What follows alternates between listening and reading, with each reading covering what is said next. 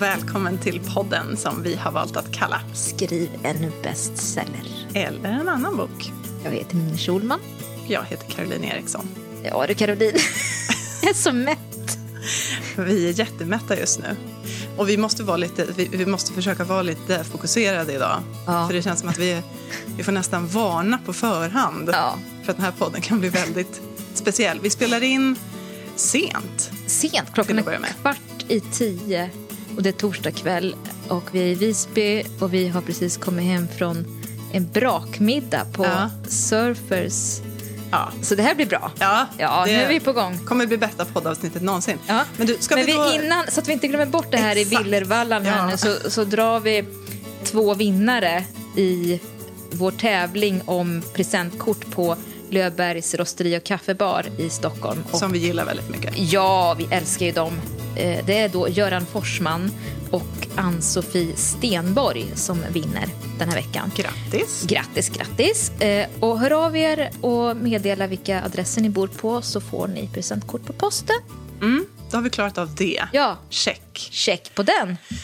Ha, ska vi prata lite Hiss. hiss? Mm, det, här börjar. Är, det här är ju fantastiskt för att vi har ju knappt, jo, jo det har vi, vi har ju skrivit väldigt mycket men vi har ju också pratat väldigt mycket med varann Ja. den här veckan. Ja. Vi har ju varit tillsammans sen vi kom hit. Ja, i, Eh. i söndags kväll. Ja. Och på kvällarna har vi ju umgåtts och pratat väldigt mycket. Så det känns ju lite speciellt att podda nu när vi liksom har, vi är så ihoppratade. Mm, mm. Men man kan ju väl ändå säga att hissen har gått lite upp och ner. Ja, det kan vi nog säga. Ehm, ja, men jag kan väl säga att ehm, ehm, för min del så har det väl blivit bättre och bättre. Ja. Hissen har gått upp, upp sen, Ja, sen, ja. Mm. sen vi kom hit. Och jag tror att det är detsamma för dig. Ja, Ja, eller du har, ja. Men jag tänker på första kvällen. Vi hade våra första samtal första kvällen. kändes väldigt eh, dov tonart så. Mm, rent verkligen. allmänt. Ja, Eh, fram till idag där vi hade lite Lite ja, lättsammare. Lite annat tonläge. Ja. Mm. Nej, men eh, för min del har det väl handlat om att jag... Eh, så där, tajmingen kändes lite eh, tokig, eller det blev lite fel. Jag väntade på feedback på mitt synopsis, Mm. på min, eh, mitt nya manus som jag precis har liksom kommit igång med. Och så kom den, eh, jag hade hoppats få den liksom lite innan vi kom hit. Eh, så att man, för det, ju, det ligger ju mycket i det där att man vill eh, processa lite. processa det. Exakt. Eh, och så kom det medan vi var här, eller i början när vi var här. Och som sagt, man behöver ju ta in det där och processa det och så. Men när jag väl hade gjort det, eh, för jag fick väldigt bra feedback. Eh, till en början så kände, kände jag mig, som man ju lätt gör, helt översköljd av det här. Och visste inte riktigt hur jag skulle sortera. Men det är ju någonting som vi har pratat mycket om. Du har ju verkligen eh, levt upp till din, eh, den här gamla rollen som mentor som, vi, som jag en gång i tiden eh, närmade mig dig utifrån. Så du, med, med hjälp av dina kloka och handfasta råd och tips så tog jag, kunde jag ta mig an det här faktiskt på ett mycket bättre sätt än vad jag tror att jag hade gjort om jag hade befunnit mig hemma och haft det på egen hand. Men det är en extrem situation när man får feedback för att man vet ju inte vart man ska börja. Det sa ju Sofie Sa- eh, Sarenbrant också när vi träffade henne i förra avsnittet att, att det är ju en liten chock liksom. Ja, ja. Och det är ju så. Och det, man kan inte öva inför det utan det är likadant varje gång. Ja, lilla döden. Lilla döden. Det kändes lite som stora döden Ja, här i början av veckan men Ja. jag tycker att du har repat dig Ja. jättefort. Ja, jo, men det, det blev bra. Och sen har jag liksom kommit på banan igen. Så att jag på no, nu har jag ändå landat i... Jag hade någon slags målsättning ju när vi kom hit. Att jag skulle ha ett visst antal ord skrivna. Och nu har jag det Mm. på, något, på något vänster. Så att, eh, ja, men jag får nog vara nöjd. Jag har ju eh, varit oerhört mycket mer produktiv andra år när vi har varit här. Ja, då har du varit som en, jag vet inte vad, Ja, en maskin. ja manisk. Ja, lätt Ja. manisk. Nej, men jag har ju verkligen... Eh, ja, jag har, jag har eh, ju suttit både tidiga morgnar och ibland kvällar när vi har kommit hem från middag. Och, så. och det har jag inte gjort i år. Nej, Vilket känns bra, så jag är inte, jag är inte utsliten när jag åker härifrån. Nej men du har tvärtom. fått mycket gjort ändå. Ja, det har jag faktiskt. Jag, får, jag får känna mig nöjd. Mm, mm, mm. Och du då? Jag måste säga att jag åkte hit med väldigt blandade känslor faktiskt. Eh, För det är femte, femte hösten du och jag är här tillsammans. Och innan dess var jag här två höstar ensam.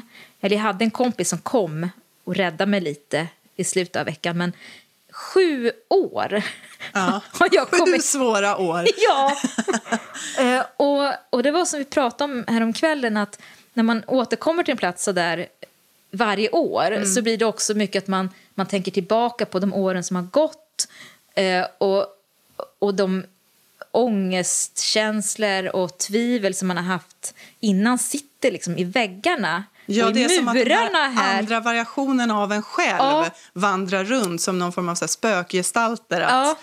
eh, och det är inte alltid eh, Det är inte alltid kul. härligt att konfronteras med Ja. dem. Nej. Och redan i fjol så pratade vi om att kanske inte åka tillbaka hit Mm, igen. För vi har ju kört också vecka 47 som Alltid vår vecka vecka. 47. Ja, så att det blir så otroligt repetitivt. Ja. Så. Eh, så då pratade vi om redan i fjol att ja, vi kanske ska åka någon annanstans just för att få kanske lite ljus och så. Ja. Men så kom vi tillbaka hit ändå. Ja. Och det var lite... Det var väldigt, väldigt blandat. Men utifrån det då så, så känns det som att jag har haft en jättebra vecka. Jag har faktiskt haft min bästa, min bästa vecka. Ja. Jobbmässigt. Ja. ja, du har verkligen... Eh, Ja, jag har haft ett lugn i mig ja. Och jag har struntat i ta bilder på alla fina hus. och jag struntar i att gå långa, långa promenader vid havet. Eh, Jag, jag liksom struntar i pressen Visby sätter på en i sig för att det är så fint här. Eh, Utan jag har bara kört mitt manus. Mitt manus och jag. ja. Och det har känts skönt, jätteskönt. Och jag har också nått fram till det mål som jag hade. ja. Och det är ju en väldigt skön känsla. Ja, och det har ju aldrig hänt förut när jag var här tror jag.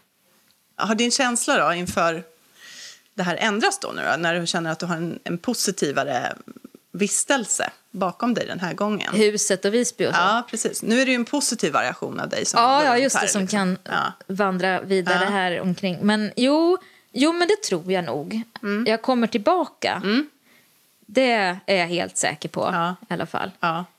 Ja, det, det, alltså vi måste ju säga det är ju ett fantastiskt hus och det är Ja. ett fantastiskt läge. Det är en helt fantastisk otroligt. möjlighet Ja. att liksom kunna få vara här. Ja.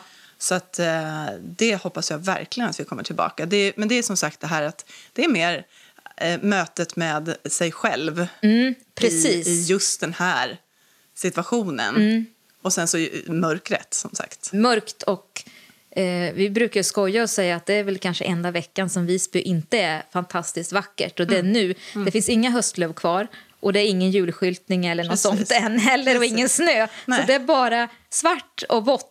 Ja, exakt. Och det är så vi har velat ha det. Men, ja. ja, av någon anledning. Ja, av någon anledning. Vi, men, men eh, det kanske, kanske har spelat ut sin roll vecka 47. Ja, vi får se om vi, Vi är redo se. att prova något annat till, Ja, eh, till kommande Men, år. men återigen, det här huset, om man tittar ut, om, om det inte var alldeles mörkt utanför nu, Mm. vårt fönster, så skulle man ju då se ringmuren här utanför och man skulle se eh, Norderport Och eh, havet. Mm. och havet. Och gatan här, Norra Murgatan, är ju som tagen ur en Elsa Beskow eh, bilderbok faktiskt. Ja, alltså- man tror ju inte att det är sant. Är Husen är, väl ju faktiskt- så små så ja. de är ju typ mindre än jag är. Ja, det är som en, eh, ja, men det är som en kuliss. Och den, Ja. jag tror att den, är också, den är väl med också i Pippi, Ja, någon av de här. Pippi-filmerna. De Ja. kommer ridande. Mm, precis. Det är en, eh, en väldigt pittoresk inramning. Ja, det är det.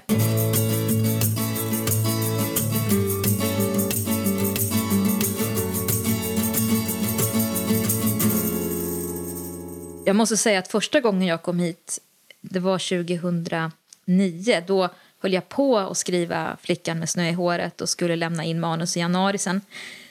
Och då när jag kom upp här släpandes min väska, för då hade jag åkt båt hit. Så jag släpade min väska upp för Hästgatan på de här kullerstenarna som en liten snigel sådär med, med bakom. Och så kom jag upp på den här gatan, Norra Murgatan, och det var ju som, som liksom en saga verkligen. Precis. Och det gjorde, det gör ju inte direkt att man slappnar av och känner att man är jättekreativ, utan för mig blir det lite som, jag känner mig som en bluff. Ska jag få vara här? Va, vad ska jag göra här? Jag fick Du fick prestationsångest. Ja, ja, ja. Och komma in här i, i huset, det var alldeles tyst och, och lugnt och, och vitt. Det är ganska avskalat. Och så kom man in i det här vardagsrummet där vi sitter nu och så på på sekretären här så, så ligger det gästböcker Ja. och jag börjar bläddra i Ja. dem. Och jag fick så ont i magen. Ja. Ja. jag tänkte, vad, herregud vad ska jag kunna uträtta här? Ja, när man ser vilka som har varit här och, Ja. och vilka böcker de har skrivit. Ja, och, och så Mm. att för mig var det en väldigt dubbel känsla. Vad har du för relation till skrivresor Ehm, generellt? Då? Relationen till skrivresor är väl som sådan att jag har gjort några stycken. Och jag har haft olika upplevelser. Eh, här i Visby har vi ju varit som sagt fem gånger. Eh, och det har ju alltid varit bra resor. Jag tycker, om man ska säga så här, jag måste göra en liten utvikning nu. Mm, Gör det. Nu kommer, det är nu den här drinken talar. Men i alla fall, jag måste faktiskt säga en sak som jag har funderat på sen förra samtalet med Sofie. Ja. Eh, och det är det här när man, när man eh, pratar om det som är jobbigt eller svårt eller att man känner sig utsatt på olika sätt som författare och, och vad som kan vara nackdelarna med, med yrket och så. Eh, och vi pratade om det här med att man, det kan upplevas som att man klagar eller eh, att man är otacksam och att man liksom är lite sådär eh, när vi faktiskt har det väldigt, väldigt bra. Och då tänker jag att det är bara viktigt att förtydliga faktiskt att så här tänker jag i alla fall att när du och jag är ärliga här i podden, vilket vi har haft som, som eh, liksom, det har varit vår uttalade ambition ju från början. Mm, det här ska det vara genuint. Ja. Ja. precis. Och då tänker jag att genom allt som vi har pratat om, när jag till exempel pratade om min process med hon som vakar, som var, ganska, som var inte bara ganska, utan väldigt tung stundtals. Eh, och, vi, och vi pratar om det här med skrivresor, och vi kommer till huset och man känner en viss... Eh, du, man- du pratar om att känna sig som en bluff, eller vi säger att det har varit lite olika variationer av oss här och så. Det har inte alltid varit lätt. För mig handlar det inte om att man sitter och klagar, utan jag har nog bara känt att det är så himla viktigt med den här ärligheten. För det är så lätt att få en bild av att yrket författare är lite glassigt och glossigt och det är liksom, man är lycklig och lyckad och, och liksom så, så är det ju inte alltid. Eh, och det är nog så, jag vill bara jag vill Ja. liksom säga det till Ja. lyssnarna att, att eh, både de som har lyssnat tidigare och de som hör oss prata nu att det känns viktigt att säga tycker jag. Att Ja. det, man, man är inte Eh, man berättar inte om det svåra, eller jag berättar inte om det som är svårt och tungt. Och tänker, jag hoppas verkligen inte att någon uppfattar det som att man klagar. För att jag känner att det är bara ett sätt för att, att visa ja, den äkta... och ventilera. Eh, ja. Ja. Med det sagt. du frågade om skrivresor. ja, det gjorde jag. Hur har vi det med den? Eh, ja. Nej, men jag, eh, vi har ju varit här fem gånger och det har varit eh, på gott och ont. Mm. Men det har på det stora hela varit väldigt fantastiskt. Jag tycker det är jättefint att ha den möjligheten att kunna komma hit. Och sen eh, så håller jag med om allt det du säger. Man får, man får en känsla att här, när man kommer hit Man ska uträtta det ska stordåd. hända saker. Ja. Det är liksom, man måste göra rätt, man måste göra skäl för, Ja. för den här veckan. Ja. Och speciellt liksom känner jag så, jag som lämnar eh, liksom familj och barn och, och allt det där hemma. Eh, då, då måste jag, nu har jag chansen liksom, Mm, nu. att verkligen växla in på det här. Så det, det är väl därför jag har gått upp tidigt förut och jag har liksom suttit på kvällar och såna här saker. Jag har suttit hela dagarna för att det är liksom den chansen jag har och det, det är bara så jag kan motivera. Mm. Men sen har ju jag åkt den allra första gången jag åkte på en skrivresa. Mm. Jag kommer faktiskt inte ens ihåg riktigt när det var, men jag vet att det var innan du och jag kände varandra. Eh, Och det var en skräckupplevelse faktiskt. En skräck. Ja, det var faktiskt en skräckupplevelse. Jag hade bokat ett hotell i Sollentuna. Eh, Och jag bor ju då i Täby, så det var liksom inte långt. Nej. Nej. Men, och det var just därför jag hade bokat det, för jag tänkte bra, jag, ska, jag hade små barn då, riktigt små barn. Och jag ville liksom ha nära hem, jag ville inte att det skulle vara så långt att åka. Och så hade jag bokat då det billigaste som jag kunde hitta. Och det låg precis liksom vid, vid eh, järnvägen och det var så här ganska obe- alltså, tråkig miljö och tråkig utsikt. Tråkigt rum med någon så här äh, trångt, som en liten cell var det. Och så liksom ett skrivbord som inte riktigt var ett skrivbord utan mer någon så här klumpig Eh, det, det, var bara, jag, jag hade bara ångest hela den helgen. För att jag, och så visste jag inte vad jag skulle skriva heller. Jag, hade liksom inte någon, jag tror att jag bara tänkte att ja, men bara jag kommer hemifrån så kommer det där att lösa sig. Då kommer all kreativitet att lossna. Och jag kommer Men du liksom, skrev någonting då? Nej, jag tror faktiskt inte jag gjorde det. Vad gjorde du då? Ja, jag vet inte. Jag kommer ihåg att jag tittade en del på tv. Ja. Och kände mig ännu sämre då. Ja, såklart. Ja, När du hade svik i familjen ja och precis. ditt Gud, moderskap. Ja. Precis. Ja, nej men, så det, det, det var inte en hit. Men sen har jag ju liksom... Jag var ju på Mallorca här tidigare i somras och hade en fantastisk eh, research och lite skriv. Så här, jag gjorde mycket anteckningar. Men då skulle du inte producera text, då, var skulle du inne mer text. på Exakt. I, i det. iaktta. Ja. Och sen har jag varit på ett hotell också utanför Stockholm för förra året var det väl? Just det, förra Eh, våren. Ja, precis. Och det var också bra. Men jag har väl lärt, alltså jag har väl någon så här lärdom att det finns vissa saker som är viktigt för mig när jag åker iväg. Mm. Det måste finnas andra människor runt omkring. Eh, det ska gärna finnas liksom allmänna utrymmen där jag kan gå och sätta mig. Jag ska ha ett bra rum liksom, med ett bra skrivbord och så. Men det ska också finnas allmänna utrymmen där jag kan gå och sätta mig om jag känner att jag behöver höra, lite, höra och se lite folk. Eh, det ska vara dygnet runt, eh, bemanning. Ja, Så att det inte är liksom att man sitter i någon, eh, ute i skogen någonstans och usch, nej, blä. Det ska finnas någon typ av sällskap. Här är ju du och jag tillsammans och då, då Mm. Det finns ju du perfekt. här. Ja. Jag skulle inte kunna sitta, jag skulle inte, nog inte kunna åka hit själv till det Nej. här huset. Nej. Som du har gjort. Ja. Ja, men då, då var det illa också. ja det var det. Ja, Ja. usch. Så lite såna, såna saker tänker jag nog på. Och att det, att, det är, att det ligger på ett sånt ställe där jag liksom kan gå ut och, och promenera. Att det Mm. inte ligger liksom för sig själv bara, utan att det ska finnas lite service och Ja. liksom, gärna något trevlig promenadstråk eller sådär utanför. Så känner jag nog. Mm. Vad har du då för erfarenheter av skrivresor förutom Visby? Jo, men jag åkte också iväg och hade... Jag fick i och för sig ganska mycket gjort, men det var, det var eh, också 2009, precis innan jag skulle lämna in Flickan med snö i håret. Och då hade jag ett manus som var gigantiskt eh, och jag for iväg med massa hål i då. Ja. Det var jättemycket text, jag scrollade upp och ner där på min dator. Men eh, då, det var i mellandagarna.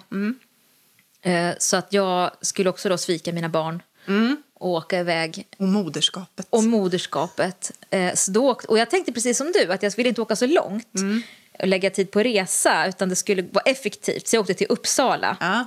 Det, det tar ju en timme med tåg eller någonting. Så dit Lagom. åkte jag i alla fall. Och så tog jag in på det billigaste hotellet som jag kunde hitta, tror jag att det var. Eh, så, så, och jag minns en lång, lång korridor.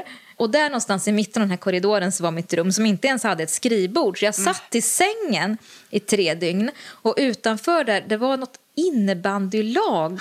Någon turnering eller någonting. Så det sprang en massa pojkar glada i hågen i typ 12-13-årsåldern i den här långa korridoren fram och tillbaka och ropade glatt så. Och jag satt i min säng och så har jag, jag har jättesvårt för att äta på restaurang ensam. Det klarar jag inte. Nej. Så en, en kväll gick jag till någon indisk restaurang på samma gata och satt och hade någon typ av som social fobi-attack. Så då tänkte jag, det här gör jag inte om. Eh, så att de andra dagarna då gick jag typ till Pressbyrån eller till McDonalds någonting. köpte någon och köpte med eller? mig. Ja. Så jag smög ut där i någon, någon hoodie liksom. Och det var jättekallt kommer jag ihåg och mörkt. Och så tillbaka in och så drack jag massa sån här energidryck. Oj, kunde, då kunde du inte sova heller sen Nej men jag, jag, det, var ju helt, det var ju helt sinnessjukt. Ja, det känns som att det var lite stirrig stämning där på ditt rum. Ja, det var det. Det var extremt stirrig stämning. Ja. Det var, mina ögon eh, gick liksom runt så här, som en seriefigur. För jag tänkte att nu ska jag verkligen maxa. Och, Ja. och jag satte klockan på ringen liksom sju och så höll jag på till typ två på natten och Men satt gud. där i den här... Det, det är som en mardröm när jag Ja. tänker på det tillbaka faktiskt. Det, Jag kan inte föreställa mig att göra om samma sak. Men fick du någonting gjort då? Fick Ja, det fick jag. Ja. Och det blev bra? Det var inte så att det... Bra vet jag inte, det blev bok till slut. Blev... Bra vet jag inte, det en bok blev. Ja, det blev till slut. Jag skulle Ja. lämna in då i slutet av januari, så det här var ju Ja, så här ett, ett slutryck kan man just säga. det. Ja. Men vad är viktigt för dig då? Liksom? Vad, vad Nej, men det är nog samma sak. Mm. Och, och jag har ju, eh, när jag åkte hit första, de första gångerna så åkte jag hit ensam, så jag kom ju hit och var här några dagar. Mm. Men sen så hade jag, fick jag ju besök då av min kompis Victoria som kom hit framåt torsdagen. Så då hade vi några dagar när vi gick på restaurang tillsammans och pratade och så. Så det räddade ju mig faktiskt Mm. Ja. att hon kom där. Och, och också en person som sköter sig själv. Ja, just Det det. är viktigt. Ja. Det får inte vara någon som, som håller på att jaga på en och säga att när ska vi gå ut och gå, när ska vi gå och äta, när ska vi göra det? Utan det måste vara någon självgående, Mm. ganska introvert människa som, som kan roa sig själv. Just det. Men vad är det som gör... Jag upplever ju att det har funkat väldigt bra. Ja, Att det här när du och jag åker iväg. Ja, ja. Vad, är det, vad, vad tror du är liksom... Varför har det funkat så bra för just oss? Alltså, att vi lämnar varandra i fred Mm. utan att vara otrevliga. Ja. Nej, men man säger så här, ja, men jag går till det kaféet och så sätter jag mig där. Och, ja, du kanske kommer förbi sen. Och, vad, vad tänker du om dagen sen? Mm. Men sen så kan vi säga att, att vi går till den restaurangen och så går vi ungefär klockan sex. Det brukar vi göra då. Mm. Men innan dess, vi stöter ju på varann lite då och då här i stan och, Mm. Ja, och här. Mm. i huset också. Men då, då är det som att vi liksom, ja, vi nästan vinkar till varandra lite och så går vi åt varsitt håll. Men det är ändå ett sällskap, det är ett Mm. lugn i det. Och att man också vet att på kvällen så får man, får man prata av sig lite. precis. Ja. Ja, men jag Kolla av hissläget och sånt där. Jag tänker precis likadant. Att det är liksom som att vi har haft... Eh, eh, ska man vara väldigt så här... Eh, ja, men vi har väl, dagarna är... Då styr man ju sig själv Mm. på något vis. Att, eh, det finns inget så här, inga vi har inga förväntningar på varandra Nej. på dagarna. Och ibland när vi har suttit har vi till och med varit så himla strikta så att vi knappt... Alltså vi går inte fram till varandra. Nej, nej. Du vet, om man, vi, vi sitter på något café och så kommer den andra in. Så går man inte automatiskt fram därför att vi vet att nu kanske man sitter mitt i ett flow och Ja. sådär. Så att vi, ehm, den här resan har vi nog varit lite mera liberala sådär. Men ändå, även om man stannar och pratar så är det liksom några meningar. Och sen, sen sitter ju vi i olika ände Ja. av lokalen. Ja. Ju säga också. Det är inte så att vi sitter där och pratar. Utan Nej. då jobbar du med ditt och jag jobbar med mitt. Men just att vi har de här kvällarna sen. Nej, jag tycker också att det... Det funkar jättebra. Ja, precis. Så jag tror att det är det. Om man ska åka tillsammans med någon på en Ja. resa, då ska man nog vara, vara överens om vilka förväntningar. Som man har. Ja.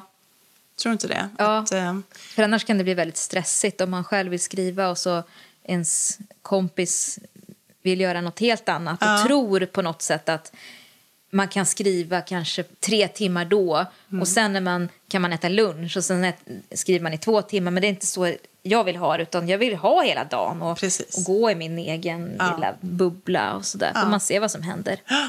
Men eh, att ha sällskap är ju jättevärdefullt. ja, att det finns någon där. Ja, annars kan... Ja, för mig är i alla fall risken att jag, att jag blir smått galen. Mm. Risken för urspårning Ja. är stor. Ja, att hissen fastnar på Hiss- något våningsplan och inte tar sig... Larmet går, men det är liksom ingen som svarar när man trycker på nödknappen.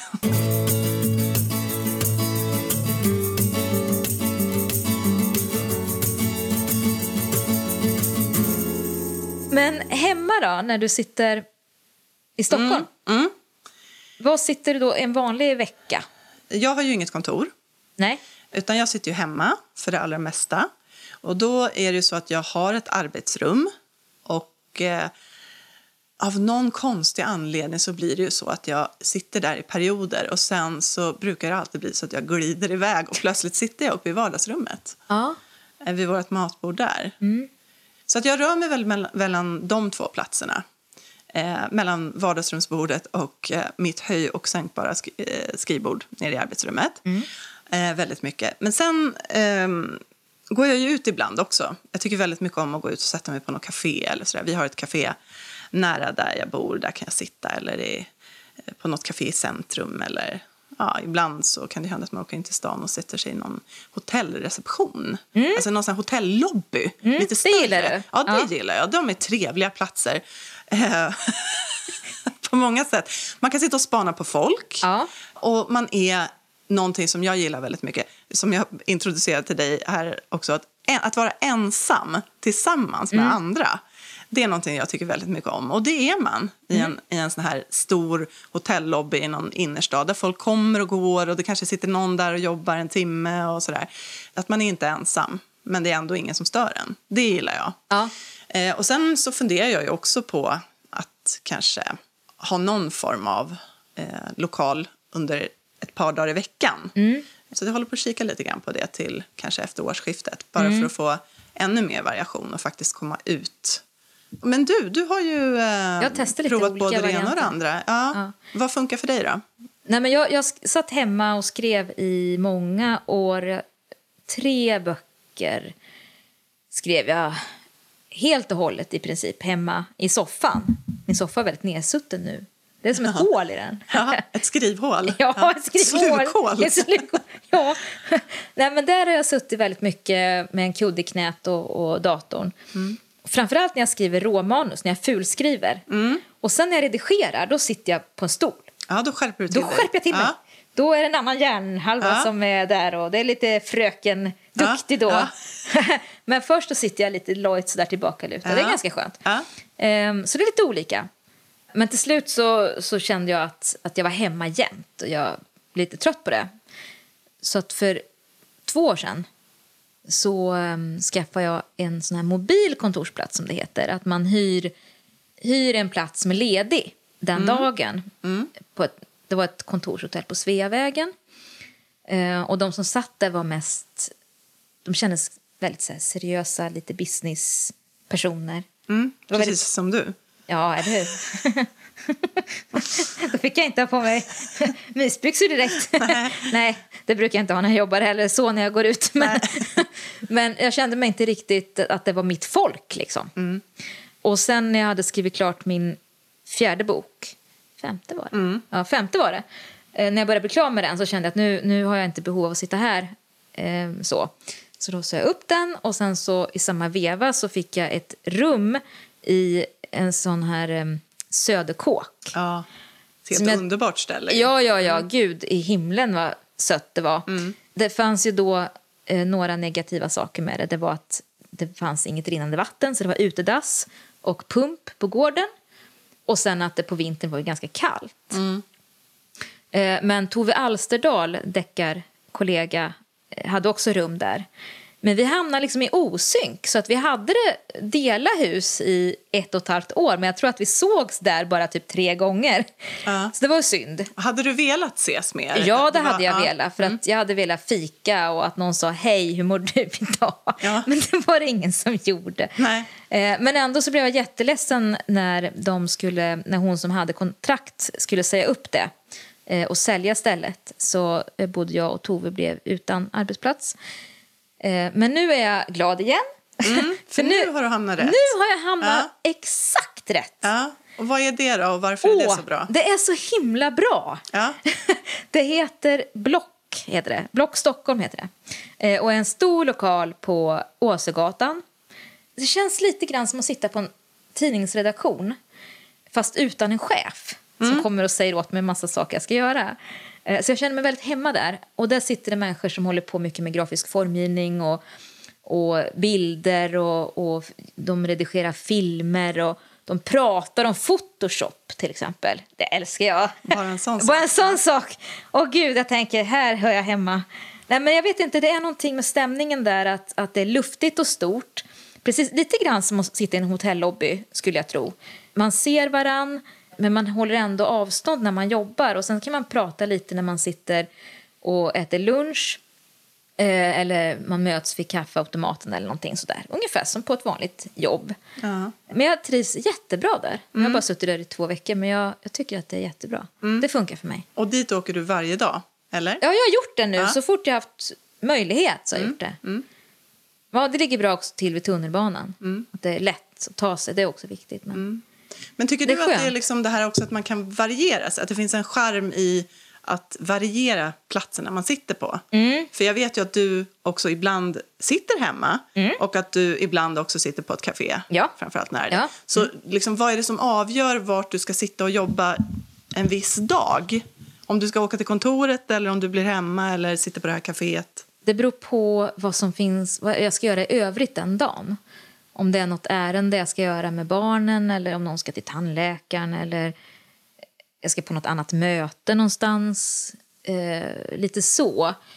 Det kan ju också vara att det är bara jättedåligt väder och jag känner för att vara hemma istället. Eller sådär. Och då kan jag tycka det är så himla skönt att, att kunna bestämma att nu är jag hemma idag. Men sen har jag ett café också i närheten där jag bor som är sådär ultimat möblerat. Med platser efter en vägg. Ja, vi gillar det. Ja. Eh, Och små bord. kan man sitta där med ryggen mot väggen och så ha full koll på allt som händer. Då, jag har ingen behov av, av extrem tystnad när jag skriver men jag har ett jättebehov av att ingen ska se över axeln på mig. Hur känslig är du för ljud? Ehm, ja, men jag är lite känslig. Alltså, du, eller jag, jag vet inte om det är ljuden eller om det är energinivån mer. Liksom, Ja. i, alltså, om det är mycket slammer och hög nivå Ja. så är det också ofta mycket folk som rör sig och fly, går fram och tillbaka. och far. Sånt kan jag påverkas av, men det beror lite på dagsformen också. Ehm, men eh, det viktigaste för mig är också platsen, alltså hur, hur det ser ut där jag ställer ner min dator. Om jag får sitta med, med skydd bakom ryggen. Alltså jag tycker om att, att titta ut över lokalen. Jag vill Ja. inte vara den som blir tittad på. Nej. Eh, inte för att någon förmodligen tittar på mig, men det, du vet, Ja. känslan av att jag ska kunna se. Mm. Eh, den är den viktigaste. Men jag, sen är jag, inte, jag sitter ändå nästan alltid med lurar i och liksom någon, någon typ av bakgrundsmusik. Ja, du har musik. Ja, ja. Det har aldrig jag. Du har inte det? Nej. Eh, Men jag har ofta det. Eh, mest liksom instrumentell då, musik. Sånt som bara glider in i bakgrunden. Lounge-musik, om man säger. Men den bidrar ju till att skärma av mig också. Och då är det väl som att en ljudnivå som, eh, som inte överstiger det för mycket. Så att det inte är så hastiga, höga ljud. Utan en, en, ganska, en ganska jämn ljudmatta i bakgrunden. Jag tror att det är mer det, så att det inte är så plötsliga utbrott av höga ljud helt enkelt. Mm. Kan du skriva när barnen är hemma? Jag kan det, gör jag ju ibland. Då får jag gå ner och sätta mig i arbetsrummet och stänga eh, då stänger jag dörren till arbetsrummet och så stänger jag dörren till nästa rum också. Så att då, låser du. då har jag liksom två stängda dörrar mellan mig och familjen och så är vi på olika våningar då. Då kan jag skriva.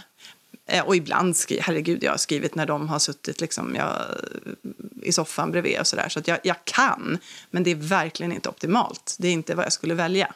Nej. Nej. Hur är det för dig? Nej, jag har ganska svårt för det. Det är väl det där, det, på samma sätt som att jag, jag inte har någonting emot att sitta på ett kontor där det rör sig folk, bara ingen vill mig någonting. Just det. Och det är ju risken Ja, är ens kanske- egna barn, att de vill Att mig de vill någonting. något. Det är en ganska stor risk. Ja, Ja. Och, och sådär, och då kommer man ur, ur fas ju. Ja. Men vad, jag tänker så här, om vi ska tillbaka till det här med, med skrivresor. Ja.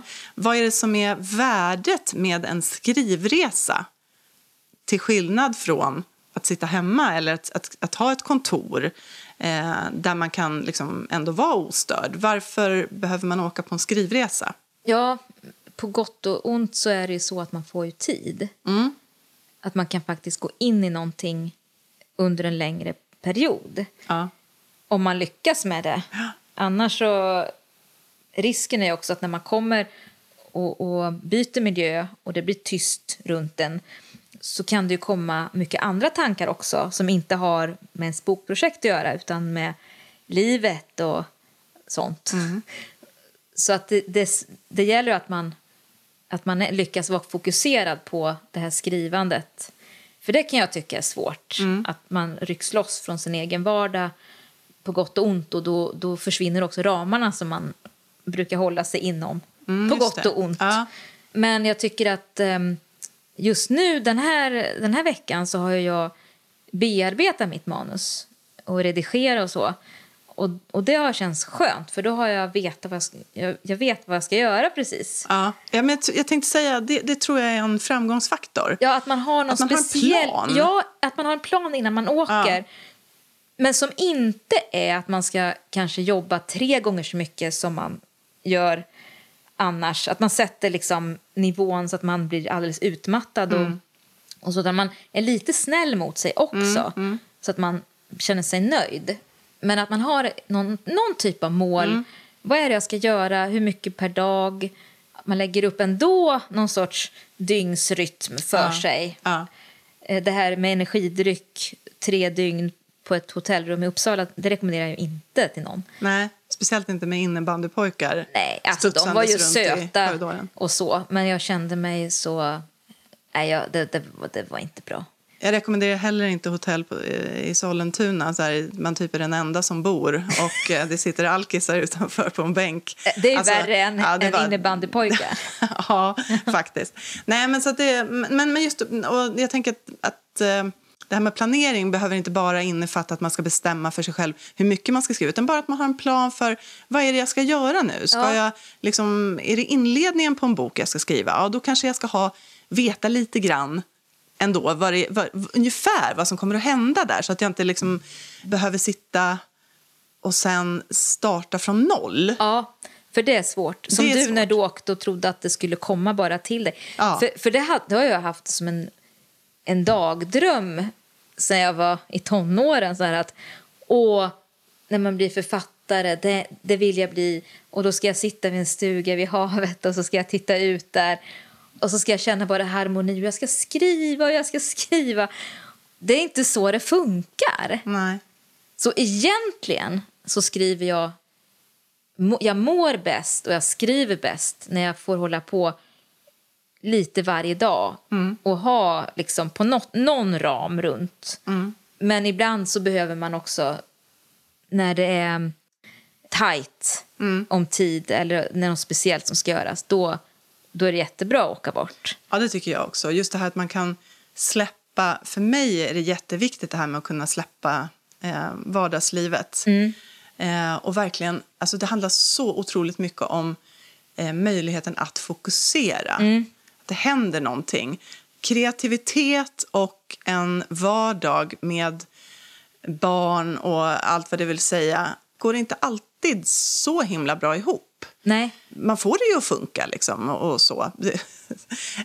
På något sätt. Ja, precis. Gud, det låter som att vi liksom barn är det värsta problemet här. När vi, men så är det ju inte. Men jag tänker att den typen av liv går inte alltid så, så himla bra ihop med det här Eh, att, vara en kreativt, att vara i ett kreativt flöde. Och Det är det man kan, kan försätta sig i på mycket enklare, mm. upplever jag, när man åker vi, iväg. Så här. Vi pratade om det lite grann när vi gick ja. på restaurangen idag och konstaterade att, att det var en gammaldags kulturman ja. skulle ju funka jättebra. Exakt. Jag skulle så gärna vilja ha en hemmafru. Ja, eh, precis. Och, och just det här att få vara den här kulturmannen som eh, är väl hyfsat omodern eh, redan nu men, men som ändå har funnits någon då traditionell. Det hade varit man kunde bara underbart. stänga dörren till sitt arbetsrum och komma ut och leka lite med barnen och krama dem och, och äta sin mat och sen gå och stänga efter sig och så fortsätter man. Ja, eh. och, och som sagt ensam tillsammans. Ja, ja. just det. Ja, och ja. så kan man säga nu vill jag ha en omelett. Ja,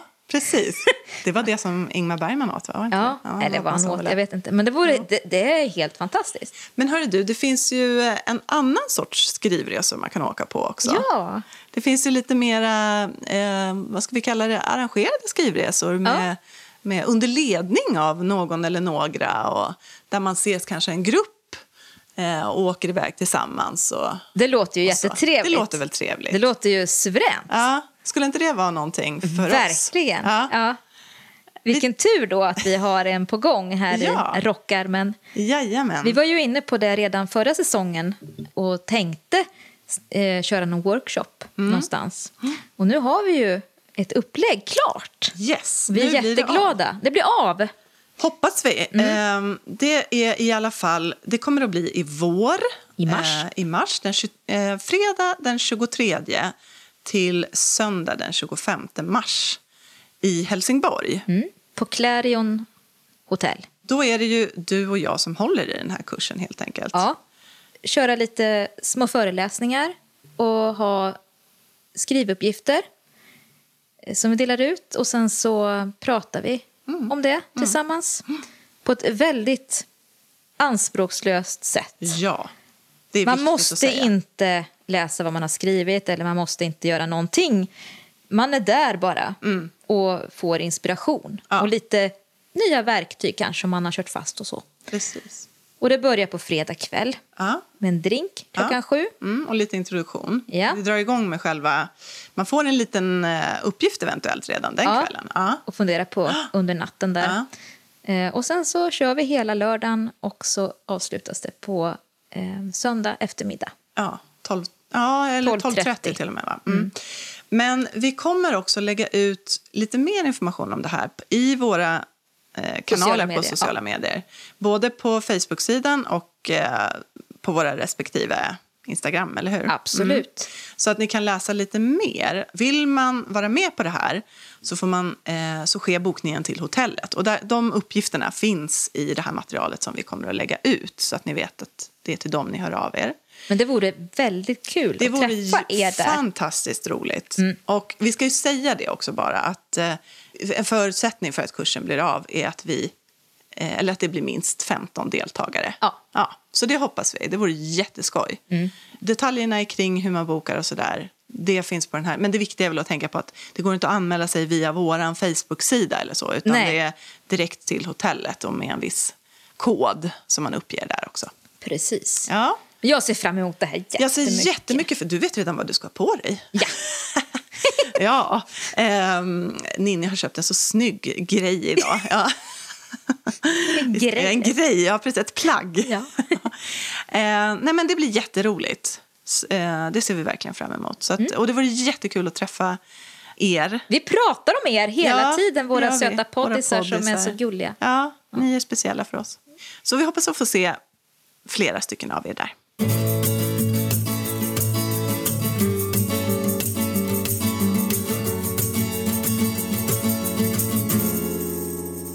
Ja, vi har ju en lyssnarfråga också, Mm. på tal om poddisar. Just det, som, och den här var ju väldigt eh, intressant tyckte både du och jag. Ja, vi gick igång på den. Det handlade om pseudonymer. Eh, om det var, hur vi tänker kring att skriva under pseudonym. Vad som kan vara för och nackdelar med det. Om vi skulle kunna tänka oss att göra det. Mm. Vad säger du Ninni? Vad tänker du kring pseudonymer som författare? Jag tycker det är jättespännande. Jag skulle nog kunna tänka mig det. Ja, vad skulle vara poängen med det i så fall om du gjorde det? poängen skulle vara att, att faktiskt inte behöva ta hänsyn. Inte ta hänsyn till vad jag skrivit förut och inte ta hänsyn till någon annan heller. Alltså då tänker du att du skulle skriva, kanske skriva någonting som var utlämnande på Ja. ett sätt som gjorde att det var... Är det så du menar? Ja. Så att du, det fanns ett skydd bakom Ja. den här pseudonymen? Ja. Okej. Typ så. Mm. Eller om man vill byta genre bara. Det är en rätt befriande tanke. Om du skrev då under pseudonym, skulle du ändå liksom ge det till känna? För det finns ju lite olika exempel på Eller hur? eh, hur man har hanterat det här med pseudonymer Ja. när man skriver om det. Jag tänker på paret Kepler till att Ja. börja med som ju var Det var ju värsta... höll det hemligt Ja. till en början. Sen blev Ja. de avslöjade. Och nu skriver de ju ändå under den pseudonymen. Precis. Eh, till, Arne Dahl också. Ja, precis. Så att det finns ju sådana pseudonymer som egentligen är där man vet vem som ligger bakom och så finns det pseudonymer där man faktiskt inte vet. Mm. Ehm, hur skulle det vara för din del, tror du? Om du... Nej, men jag tror att det skulle vara ganska skönt att, att, att hålla det hemligt. Mm. Om man vet att man ska avslöja sig själv, då finns det väl ingen vits egentligen att ha en pseudonym. Kan jag tänka. Eller? Ja, ja, men jag Hur kan tänker tänka, du? Jo, fast jag kan tänka att det kan finnas eh, i det fall som du nämnde tidigare. Alltså att man eh, som författare kanske börjar skriva böcker i en annan genre. Ja. Eh, om vi tar eh, Ellie Griffiths som vi har pratat om Ja, tidigare. podden, just det, din kompis. Ja, precis. Så hon heter ju Dominica de Rosa egentligen. Det är hennes riktiga namn. Och det har, under det namnet har hon gett ut böcker Mm. som har varit mer av, uh, åt romance-hållet som jag förstår det.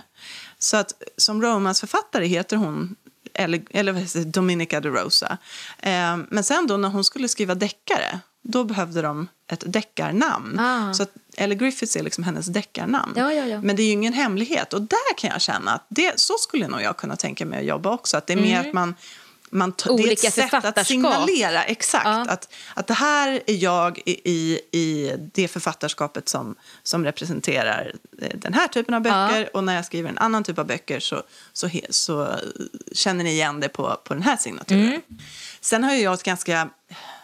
Jag har ju inget... Eh, jag har ju, mitt namn är ju så pass eh, vanligt.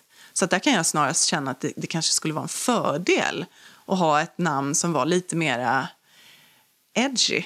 Alltså lite mer unikt. Ett artistnamn. Ett artistnamn. Precis, tack. Där jag, när jag ska ut och vara den här härliga estradören och underhållaren som vi pratade om tidigare. Nej, men alltså på riktigt, om man ska vara lite sådär krass med att nå ut och, och så, så tror jag väl Caroline Eriksson når väl kanske inte riktigt ut lika bra som något annat namn. Så. Tror du att det är så? Ja, det tror jag. Till viss del tror jag det. På riktigt? Ja, nu sticker jag ut hakan. Ja, ja, men jag bara undrar för att det finns ju jag menar Åsa Larsson, Anna Jansson och det finns massa Ja, som oj, ja. har ganska... Ja, nu får jag svårt. Och Kristoffer Karlsson. ja, nej men alltså, de, de, de skriver naturligtvis bra böcker och då, då, då talar ju böckerna för sig själva. Men jag tror att det är, om jag säger så här då, det är definitivt inte en nackdel att heta Simona Arnstedt till exempel. Nej. Eh, och nu menar jag inte att Simona säljer böcker därför att hon heter det, det hon heter. Men det är ett fantastiskt namn Mm. för en romansförfattare. Ta till exempel eh, Karen Slaughter Ja. som jag faktiskt inte vet om det är så hon heter på riktigt eller om det är en pseudonym. Men det är ändå liksom, det är ett fantastiskt namn för en författare som skriver den typen av böcker hon gör. ja. Har du tänkt tanken och... och Ehm, alltså jag, inte så att jag har liksom funderat på det mer än så här. Nej. Jag bara noterat Mm. att ehm, om jag plötsligt skulle vilja skriva en annan typ av böcker så skulle jag definitivt kunna tänka mig att använda mig av ett artistnamn, om du vill ha det så. Eh, och, och det tror jag inte skulle vara en nackdel. Nej. Jag skulle tycka det var roligt att ha ett namn som var lite mera... Eh, Vad skulle det vara? ja, vi får, vi får jobba på den. Har du några förslag? Nej.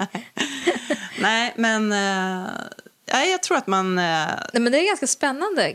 Eh, spännande tanke just också när man byter genre sådär. Att, Mm. att bli... Att få en annan roll. Mm. Att nu är jag den här personen och, då, och den personen skriver de här typen av, av böcker. det är spännande att se om man kommer att se fler eller färre Ja. framöver. Ja, vad tror du? Ja. Ja, varför inte? Alltså, jag tänker på eh, Carl Johan Wallgren också, som börjar skriva under pseudonym nu. Just Eller det. för ett par år sedan. Lucifer Just det. där. Det är väl kanske för lite underlag för att prata om en trend, men det är ändå liksom, det, det poppar ju upp lite. Det känns som att det är, kan användas som ett sätt att få lite ny uppmärksamhet. Kanske återuppfinna sig själv Ja, som författare om man har varit med ett tag just det. också. Precis som att det kan vara ett sätt för någon som är ny i branschen och som inte vill fronta. Ja. Men det kan också vara ett sätt som sagt som etablerad författare att få Börja skriva. om lite. Ja, precis.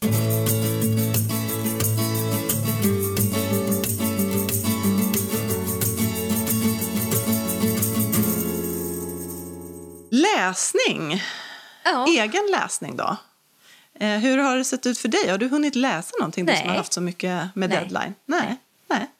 Jag har ingen läslust heller. Nej.